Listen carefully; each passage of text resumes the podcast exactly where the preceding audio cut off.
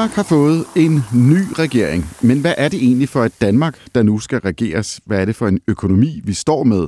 Står vi midt i en økonomisk krise, eller er vi på vej mod en? Ja, hvad er status for dansk økonomi, vores velstand, inflationen, boligmarkedet, forbrugertilliden? Og er situationen i dag måske mere alvorlig nu end ved tidligere kriser? Altså, hvis der der overhovedet er en økonomisk krise. Spørgsmålene hober sig op. Mit navn er Simon Rikard Nielsen. I dag der stiller vi øh, skarpt på dansk økonomis tilstand lige nu og i et historisk perspektiv. Det er store spørgsmål, øh, og for at besvare dem, så kræver det altså en økonom med øh, et stort format, og ikke mindst masser af erfaring. Øh, og derfor har jeg inviteret Helge Petersen. Tak for det, Simon. Du er øh, cheføkonom i Nordea. Øh, så langt er jeg med. Men, men, men din karriere, øh, hvor længe har du dækket dansk øh, økonomi? Det er måske nemmere at svare på det spørgsmål. Ja, men øh, jeg har jo sådan set arbejdet professionelt med det her, siden jeg blev fuldtidsansat i Privatbanken tilbage i 1987 i økonomisk sekretariat. Der. Det blev så sidenhen til Unibank og igen til Nordea, og så har jeg været cheføkonom Først i Unibank og sidenhen i Nordea siden 1999. Øh, Så det er efterhånden nogle år, som, som jeg har på banen, hvor jeg har dækket dansk, men for den sags skyld også international økonomi. Så, så altså 1987, der starter 1987, du. Ja.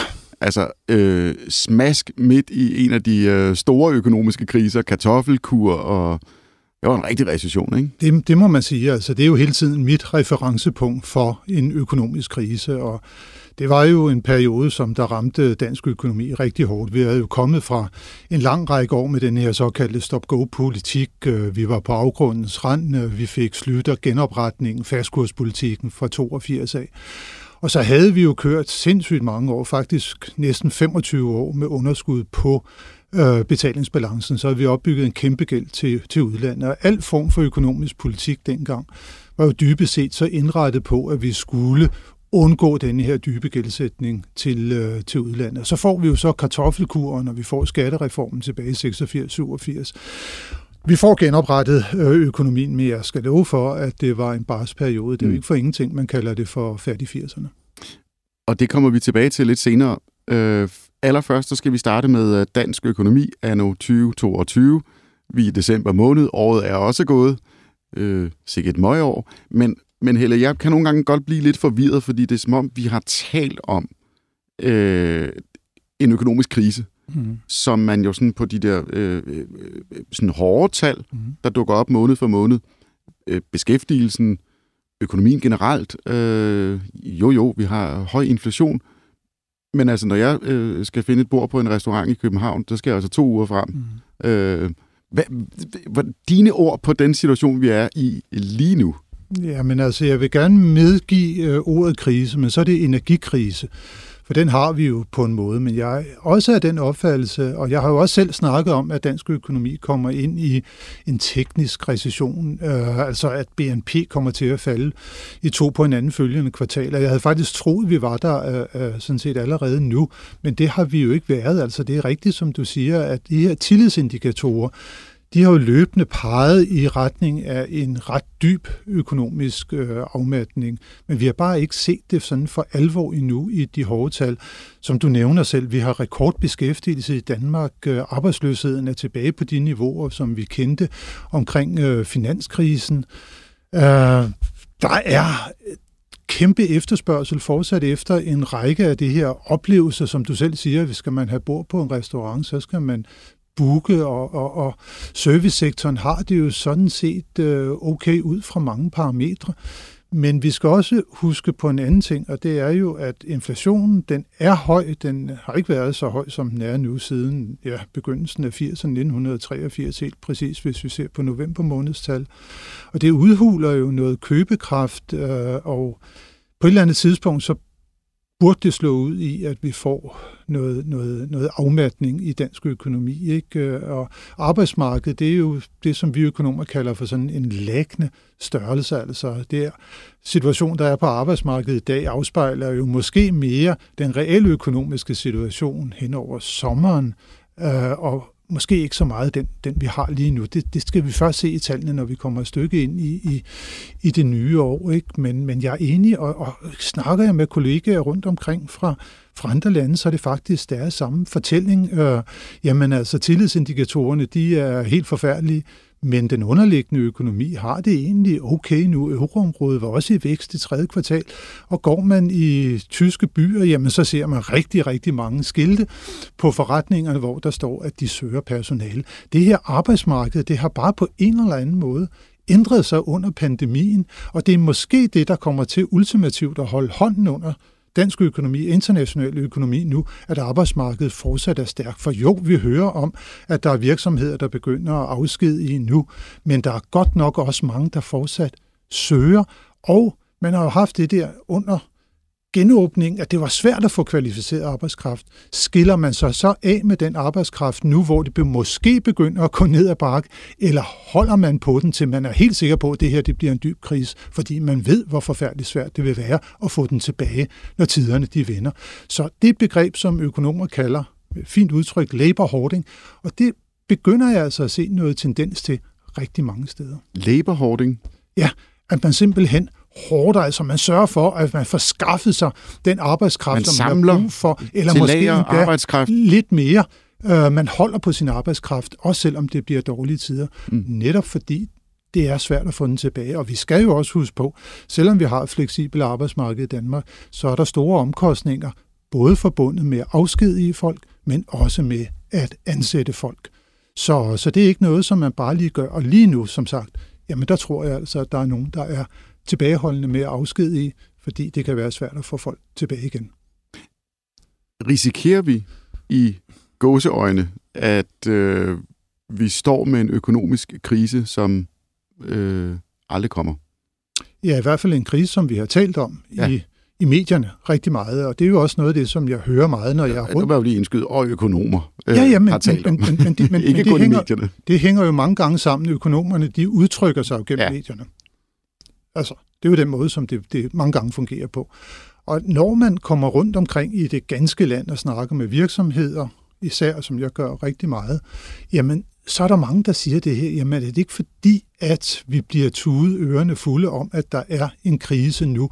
Bliver der ikke gjort mere ud af de negative nyheder, end af de positive nyheder? Og det må man jo på en eller anden måde give dem lidt ret i. Jeg har jo så til gengæld også i den rolle som økonom, jeg bliver nødt til ligesom at kigge på de her ledende indikatorer, blandt andet tillidsdata, øh, også fra erhvervslivet, det peger jo nedad, så må man jo sige også, at jamen, det begynder at se sort ud. Det bringer medierne så videre. Uh, på den måde, så, så har vi jo et vist øh, øh, samarbejde der, må man sige, men øh, det kan godt være, at noget af det er en lille smule overgjort, for det er jo også en kendskærning, at da vi går ind i det her år, altså 2022, der er ved at og lakke mod enden nu, der var danskerne mere velpolstrede på alle mulige måder, end de har været det på noget tidligere tidspunkt i Danmarks historie. Så det er altså tykke tegnebøger, om man så kan sige, der bliver klemt øh, lige for tiden. Det giver et ret godt fundament øh, for den økonomiske udvikling, at vi både har et stærkt arbejdsmarked, og danskerne altså fortsat har rekordmange penge stående på deres øh, øh, bankkonti. Så er der et fordelingsspørgsmål og det, og, og det bliver man jo selvfølgelig nødt til at tage seriøst. At der er nogen, der virkelig ikke har ret meget tilbage, når måneden er gået nu, hvor inflationen den er så høj. Og man må også lade, at der er mange, der har en gasopvarmning af deres bolig. De bliver også ramt hårdt. Men ser vi på, hvor mange det er, så er det vel omkring 400.000 husstande ud af omkring 2,5 millioner. Og vi hører mere om de 400.000, der bliver klemt, end resten, der ikke bliver glemt. Og kigger jeg på mig selv, bor i København, har fjernvarme hofer, de har fået en bedre varmeudnyttelse, jeg har fået reduceret min varmeregning, men det bliver bare ikke fortalt mm. så meget i medierne. Så derfor hører vi mere omkring de her, der har problemerne, og det er jo den måde, som, som spillet der på. Ja. Helle, jeg har lige fået en henstilling om, at vi må ikke banke i bordet. Selvom, selvom det vi, kan kun være mig. selvom, selvom vi er meget engageret. Det er, det er jurigheden. Ja, øh, bevar den, øh, og lad bordet være i fred. Øh, men, men Helle, og jeg havde jo sådan set lovet dig, inden vi gik i studiet, at du, du skal ikke begive dig ud i en eller anden økonomisk-politisk øh, analyse øh, af den nye regering. Øh, men jeg kan ikke lade med at spørge dig, Øh, den her øh, en, en øh, flertalsregering øh, regering, hen over midten, en bred regering, næsten flertalsregering. Øh, så, så det er ikke det er ikke ud af et økonomisk afsæt, at, øh, at landet er i krise. Nu må vi samle os. Øh, det, det er ikke den underliggende tone. Altså igen, den økonomiske vurdering, det er, ikke, det er ikke et land i krise, det her. På nuværende tidspunkt, nej. Men der er udfordringer. Kæmpe udfordringer. Altså, det er jo, som vi har snakket om, reelt, at det er, at danskernes købekraft bliver udhulet øh, for tiden. Det er også reelt, at vi er i en sikkerhedspolitisk situation, som der jo ikke er set i rigtig mange år, som der også må tages øh, hensyn til. Og den sikkerhedspolitiske øh, øh, øh, situation, det er jo den, der sådan set også har givet anledning til, at vi har alle de her problemer på energifronten. Og det mm. er altså energisiden, der om noget giver øh, problemerne for tiden. Og hvordan løser vi lige det? Vi har jo en grøn omstilling, som vi skal tage hensyn til. På den anden side, så når det er, at Rusland kun leverer 20 procent af den naturgas, som de har gjort til Europa historisk, jamen så bliver vi også nødt til i en periode at benytte os af andre typer energi, som vi måske ikke umiddelbart kan, kan sige, at det er i for, for, forening med, at det er, at vi skal opfylde vores, vores klimaambitioner. Så der er nogle store udfordringer der, der altså sikkerhedspolitik, energipolitik, og så i sidste instans også ned på den enkelte øh, husholdning og virksomhed. Øh. Så, så på den måde hænger tingene sammen, og derfor er der bestemt store udfordringer for den nye regering, og, og uden at jeg skal komme med en politisk analyse, så mener jeg egentlig også personligt, at det er at sådan en bred regering hen over midten, måske er det bedste, som man kan ønske sig i denne her situation igen, hvor det er, at det sikkerhedspolitiske mm. Øh, spørgsmål, det, det er så stort, øh, som, som det er for tiden. Fordi jeg har jo været med siden 87, jeg har var ung under den kolde krig og, og, og har rejst meget i Central- og Østeuropa, også mens det var, at, at muren den var der.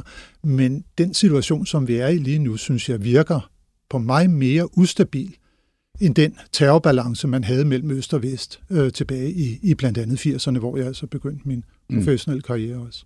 Men det er, det er interessant, fordi øh, jeg har lyst til at spørge dig, om, om du har fornemmelsen af, at vi er så er måske i en mental øh, krise, øh, fordi øh, de der tal, du snakker om mm. tidligere, altså der er de hårde nøgletal, mm. mm. det er inflationen, det er beskæftigelsen og, og så videre. De hårde nøgletal, især på arbejdsmarkedet, som du sagde, de er ret gode. Mm. Og ja, vi ser fald i huspriserne, men vi ser jo ikke tvangsauktioner i noget, der minder om øh, de der fattige som, som du var inde på. Nej, nej. Men forbrugertilliden, ja. det bløde nøgletal, det er, sådan, det er jo sådan værre end under finanskrisen. Det er jo sådan, en, det er jo sådan som om danskerne sådan kollektiv, der har sådan en dommedagsstemning op i hovederne, når man, altså når man spørger dem, hvordan har du det, og hvordan forventer du øh, din økonomiske situation, og landets økonomiske situation vil udfolde sig, hvad er det de kommende halve år, man spørger ja, til. Øh, og så får man det her sammenvejning af alle de her mm. spørgsmål, og så får vi et forbrugertillidstal. Mm. Hvorfor er det så dybt nede i hullet? Ja, altså nu, nu nævnte du, det er værre end under finanskrisen. Det er også værre end under kartoffelkuren. Det er, er faktisk det? værre end det nogensinde er blevet mål til at være. Jamen hvorfor? Og det er jo, jamen det spørgsmål har jeg også stillet mig selv, øh, Simon. Jeg er nået frem til to øh, svar, som, som, som jeg egentlig mener kan være dækkende. Det ene er, at vi skal se, at det falder ekstremt voldsomt i marts måned. Og det er den 24. februar, Rusland invaderer Ukraine. Og der er vi jo gået, om man så kan sige, fra en periode, hvor vi har haft pandemien.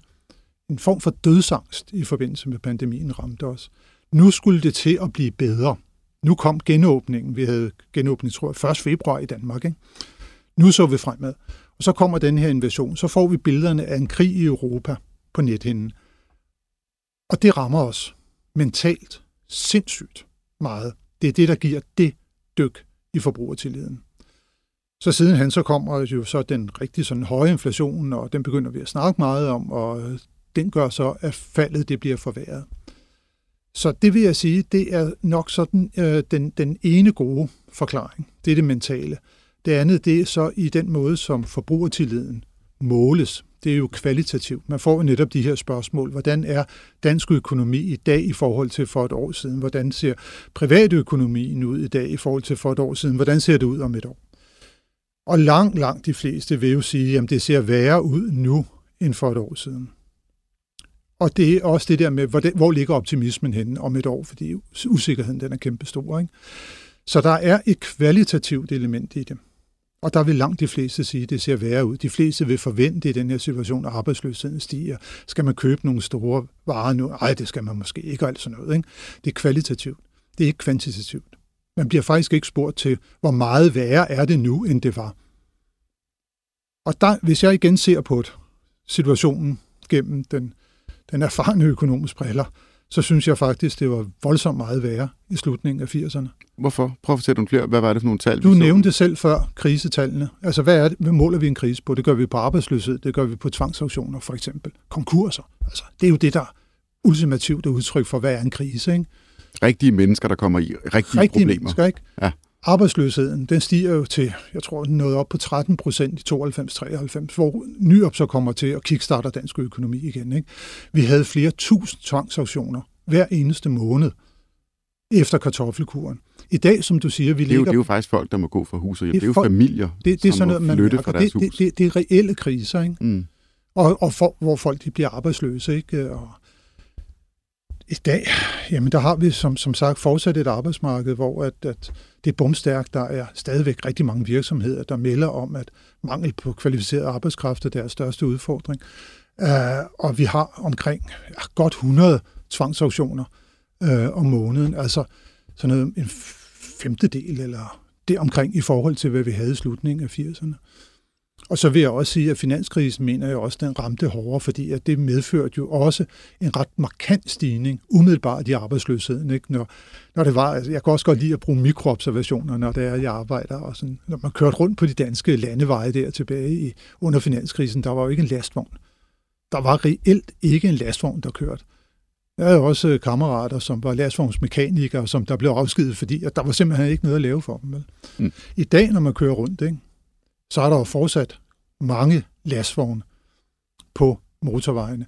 Vi kan så også se fra, og det synes jeg er en meget sjov indikator for, hvordan det går i dansk økonomi lige her nu.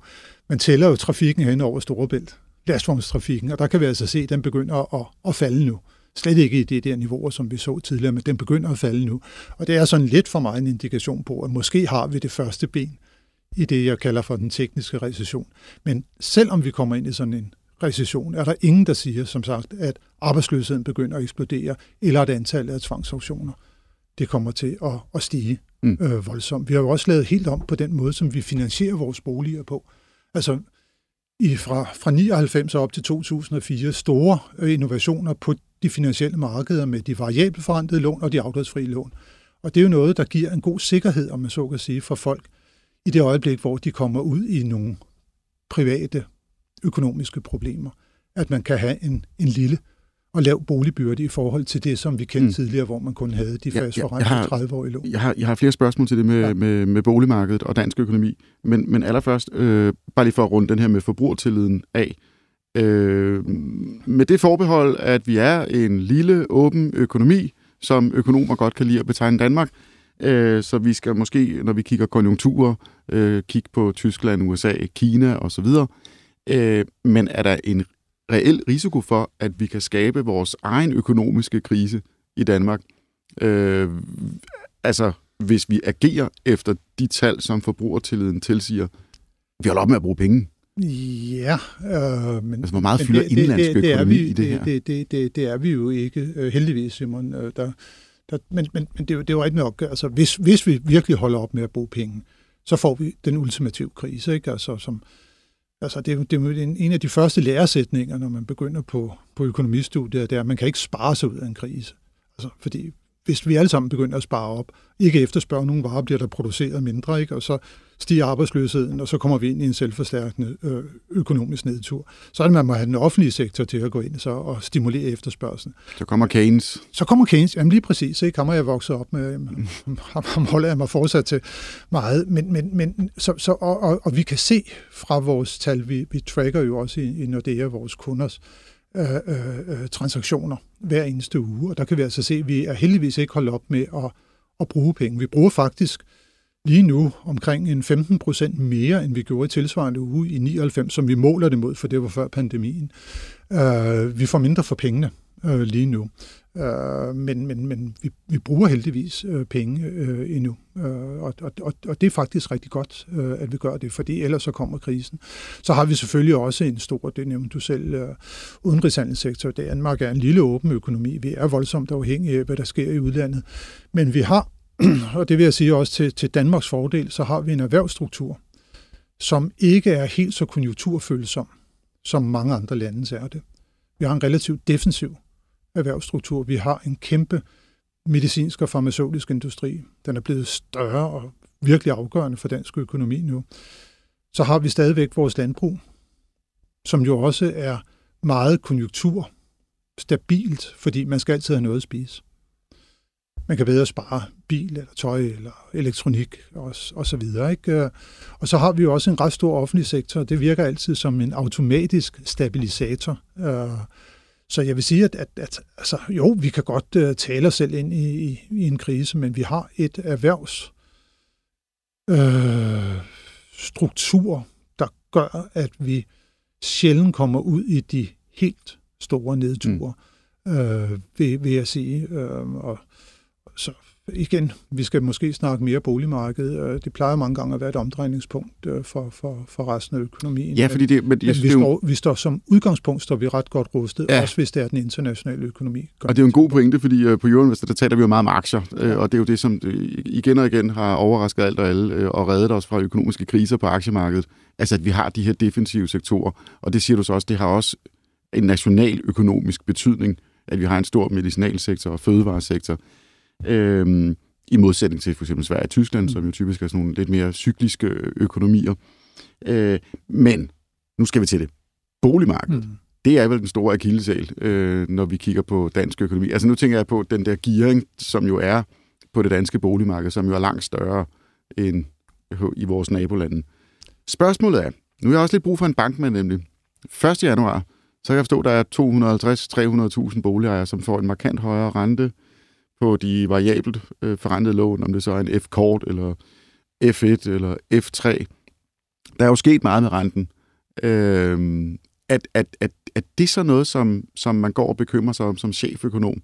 Øh, øh. Og har, har, har vi egentlig indblik over de boligejere? Det er jo ikke alle boligejere, som, som følger med i renten og konverterer, og hvad ved jeg. Altså, har, har I et indtryk af, at der er nogen, der måske ikke har indrettet deres økonomi i tide, og får sig et kæmpe chok 1. januar? Altså, den, den, den sidste del øh, har jeg svært ved at, at svare på, fordi det er ikke noget, som, som jeg beskæftiger mig med til daglig. Der har vi en kreditafdeling, øh, der, der arbejder med det, men som, som cheføkonom, og det var det første, du spurgte mig om, øh, kan man så bekymre sig, og det, det kan man selvfølgelig godt. Øh, jeg har været meget overrasket over den her eksorbitante stigning, der var i boligpriserne under pandemien. Øh, hvis vi ser på netop finansieringsomkostningerne i dag i forhold til før pandemien, så er de markant højere. Blev der skabt en form for en boble på boligmarkedet under pandemien? Den skal i givet fald nok korrigeres, og skal vi så med de endnu højere finansieringsomkostninger i dag, skal vi så have boligpriserne måske ned på et niveau fra før pandemien? Det er det spørgsmål, som jeg stiller mig selv. Øhm, og, altså, og der er et stykke vej nu? Og der, der, er, der er et stort stykke vej, fordi de steg jo med ja, gennemsnit måske en, en 15-20 procent øh, under pandemien. Øh, og ser man bare på udviklingen i netop finansieringsomkostningerne, som efter min bedste overbevisning er den væsentligste forklaringsfaktor på boligpriserne. Uh, renter, renter, renter. Renter, renter, renter. Jamen sådan er det jo. Ja. Uh, så, så, så skal vi jo have en korrektion der i hvert fald øh, ligger i, i det niveau. Om vi så kommer helt derned, det, det synes jeg, det er svært at sige, fordi boligmarkedet er jo, det er jo sådan et marked, hvor at, at forventningerne mange gange kan blive selvopfyldende, fordi det er sådan en, en stor del af vores økonomi. Ikke? Altså, jeg tror, at vi alle sammen har stået ude og, og til en fremvisning, øh, og, og ejendomsmaleren har været der og sagt, der er otte, der gerne vil købe den her lejlighed eller det her hus. Ikke? Jamen, så går man hjem og tænker, skal vi skrive under nu? Mm. Ikke? Og det betyder så, at i sådan nogle perioder, hvor der er stor run på, på boligmarkedet, jamen så begynder priserne, så, så stiger de nærmest helt af sig selv. Omvendt, når det er, at, at, at boligpriserne de begynder at, at, at aftage, så står man jo måske og siger, jamen, skal jeg købe nu, eller skal jeg vente, eller skal jeg give et øh, svinebud, skal jeg byde 15-20 procent ned i forhold til udbudsprisen. Og så er det netop på grund af den adfærd, der bliver den samme hos de fleste potentielle købe, købere så, at, at så kan priserne falde ret kraftigt. Og, og der er vi jo også i en situation, hvor at, at det måske kan, kan blive lidt sværere at, at, at få øh, øh, øh givet boliglån lige nu. Jeg vil sige, at jeg er, jeg, nu nævnte du før, at, det er, at, at, at gældskvoterne de er høje, men, men vi har jo altså også gjort noget med den makropotentielle regulering over de seneste år. Ikke? Det er den altså, der, du brugte der. Der. Makroprudentielle. ja, det er sådan, at man ud fra nogle sådan overordnede principper forsøger på at sikre, at der ikke kommer en gældskrise igen, også for den, den enkelte. Ikke? Og der har man jo så fået... Altså indtil tider overansvarlig politik, er der nogen, der vil sige. Ja, ja, men og, og, og, man kan kalde det, hvad, hvad, hvad man vil, ikke? men, men, men det, det giver i hvert fald en, en, en større grad af sikkerhed for, at folk de ikke kommer ud i en situation, hvor de må gå fra, fra hus og hjem. Mm. Man har jo nogle nogle, nogle regler, der siger, at man kun må have en, en bruttobelåning, der ligger på fire gange husstandsindkomsten. Ikke? Øh, og det, det, det giver jo en vis øh, øh, øh, sikkerhed. Øh, så, så jeg vil sige, at, at jeg synes, at, at situationen på det danske boligmarked i dag, ja, det kan godt bekymre mig, men gældssituationen er ikke nær så alvorlig, som den var det op til finanskrisen. Og når det er boligkriser ofte giver anledning til store samfundsøkonomiske kriser, så er det også fordi, de kan føre til systemiske nedbrud i den finansielle sektor, og den finansielle sektor er altså væsentligt bedre polstret i dag, mm. end den var det øh, op til finanskrisen. Så jeg tror, at det ser, godt, jeg, jeg, siger det. Jeg ser det, det ser lidt mere solidt ud i dag, det vil jeg sige. Ja, ja. Øh, men, men det, det er godt, du siger det, fordi det, det, det, det er lidt det, jeg vil spørge dig om, nemlig om, om der måske er nogle lommer, øh, som vi ikke er klar over. Øh, de boligejere, som ikke har opdaget, at renten er hamret i vejret, og de har et F1-lån eller et F-kortlån, øh, og så står de der 1. januar mm. og skal betale øh, uhyrligt mange flere penge, og har måske indrettet deres økonomi, eller forberedt sig selv på, at, at nu kommer det til at ske, altså hvis man både har afdragsfrit lån, og et flekslån. Mm. Øhm, om, om, om der kan være nogle lommer altså i, i det danske, øh, øh, både bankvæsen og boligmarked, som vi ikke helt er klar over. Jeg ved godt, man ikke kan sammenligne det, men nu siger det bare, subprime-krisen, som startede finanskrisen, var jo egentlig et lille bitte hjørne af det store amerikanske boligmarked, som så blev fedtet ind i alle mulige mm. øh, af, de, af de gode lån. Mm. Øhm, men, men, men måske skal der ikke så meget til. Altså, hvis der er 5.000 boliger, 10.000 boliger, 15.000, ja, ja, som kommer har, i problemer, vi har og så ikke, ruller lavinen. Ja, vi har ikke den der form for syndikering af lån, som man gjorde under subprime, altså hvor man man samlede en hel masse øh, lån, hvor at, at den enkelte ejer havde en dårlig kreditværdighed, og så mente man så, at det, det samlede lån, som der lå nede i den pulje, det havde en bedre kreditværdighed, og det solgte man så videre til investorer rundt omkring. Jamen, så i Danmark, du ved, så har man nogle, nogle ejendomsdeveloper, så bygger ja, man ja. på havnefronterne, der står ja, ja. kraner rundt omkring, ja, ja. og lige pludselig så røg Roskilde Bank, uden vi havde ja. Ja, men, men altså, det, det, er min, det er min opfattelse igen, uden at jeg sidder med, med, med, med tallene, at, at også øh, Øh, på, på entreprenørsiden og, og hos øh, investorerne, at der, der ser det mere solidt ud i dag, men det, men det, skal, det er ikke noget, som, som jeg har, jeg har det, detaljeret viden om. Men, men altså, jeg synes overordnet set ser det, ser det bedre ud, men det er klart, at, at dem, der har købt til de her voldsomme høje priser og altså under, under, under pandemien og, og har gjort det i en tro om, at renten aldrig kunne stige, jamen der, der, der er der godt mange, der, der kan få nogle, nogle problemer. Og det synes jeg måske er det mest bekymrende ved hele den her periode med, med negative renter, at der er næsten en hel generation, fordi det har varet i 10 år i Danmark, vi indførte negative renter i 2012 af hensyn til kronen dengang, og ECB gjorde det så i, i 14. Så i Danmark har vi faktisk haft 10 år med, med negative korte, korte renter. Øh, øh. At så bliver man jo nærmest vendet til som ung generation, at renten den ikke kan blive positiv, og den kan ikke stige og sådan noget. Og det gældsætter man sig måske efter. Men der, der ved jeg jo, at det er, at kriser de opstår som regel som følge af for høj gældsætning. Altså næsten alle de store kriser, vi har set i verdenshistorien, det har været noget omkring gæld, der lige pludselig ikke kan betales tilbage. Og der kommer sådan en situation med, med markante stigninger i renterne, selvom det er fra et lavt niveau. Der kommer de uvelkomment ind, øh, mm. vil jeg sige. Øh, Personligt har jeg altid været modstander af, af negativ rente. Jeg synes, det er usundt. Et udtryk for en usund økonomi. Og det, det, giver, det kommer ikke bag på mig, det, at en økonom fra en bank ikke kan lide negativ rente. Jamen, det giver anledning også til, at man ikke får en, en ordentlig risikovurdering af projekter. Og, og, men, men det kan vi godt blive enige om. Det, øh, så, det, det var dog så, et så mærkeligt det, eksperiment. Og, og, og, og, og en bekymring for mig går mere på, altså alle dem, der ikke har troet, renten den kunne mm. stige, de kan blive fanget. Og den risikoen for den såkaldte tekniske insolvens, altså hvor det er, at din gæld den overstiger værdien af, af din bolig, den er jo absolut størst for dem, der har købt over de seneste par år. Godt. Øh, altså tiden løber hele, men jeg er nødt til lige at, at vende en, en enkelt ting mere med dig, og så skal vi lige binde sløjfe tilbage til, til fat i 80'erne. Øh, så hvis vi kan gøre det kort, øh, formueeffekt af den her lidt diffuse størrelse, at man øh, bare fordi man føler, at man er blevet fattigere, fordi at huset på papiret er blevet mindre værd, pensionsopsparingen er faldet, din aktie øh, i frie midler er, gud hjælp mig, også faldet. Øh, altså den her psykologiske effekt, at man, man føler sig fattigere, selvom man egentlig kun er fattigere på papiret, og det får folk til at spare mere op, altså bruge færre penge. Er, er det noget, som du øh, begynder at kigge mere på? Jamen altså, den, den, den er reelt. I Danmark så er den historisk størst på boligerne. Øh, så, så det, det er klart, når boligformuerne de begynder at falde, det er der, hvor du bedre kan realisere det. Det er der, hvor danskerne mere realiserer deres formue. Det er ved at tage tillægslån i boligen, når det er, der er friværdi. Øh, det, det er klart, at der kan være en, en bekymring der for en formueeffekt på det private forbrug. Og, og jeg kan også være bekymret for, at bare når boligpriserne de falder, så er der masser af følgeaktivitet, hvis det er, at der ikke bliver handlet boliger, som der også bliver sat i stå, altså nyrenovering af badeværelser, toiletter, alle de der ting. Mm. Øh, det, det kan få en reel effekt. Det er der er ikke nogen, der skal have nye møbler, og, og hvad ved jeg ikke. Så der kan være nogle følgeeffekter. Det er en ren formueeffekt. Øh, den kan jeg godt være en smule be, bekymret for. Øh, ikke så meget på, på aktiesiden. Det betyder endnu ikke helt så meget i Danmark, som det gør det. Især den angelsaksiske del af verden, altså i USA, Storbritannien osv., hvor man notorisk har haft en større del af sin formue placeret også i, i aktier. Og måske Sverige. Måske også hos svenskerne, men jeg, når jeg snakker med mine svenske kollegaer, så er de sådan set mere bekymrede for boligmarkedet. Okay, der går nu. det også helt for sig. Ja, det går voldsomt for sig. De har jo næsten alle sammen variabelt forrentet ja, lån. Au, au, au. Så det, øh, det slår hårdt, og de har gældsat sig over mm. de seneste år, mens danskerne ikke har det. Godt. Øh, vi skal lige binde sløjfe, som sagt. Øh, vi var inde på øh, øh, finanskrisen øh, sammenlignet med i dag, øh, altså hvor du også sagde, at der var stigende ledighed, og der var øh, konkurser og tvangsauktioner, men slet ikke i samme omfang som øh, i start 90'erne.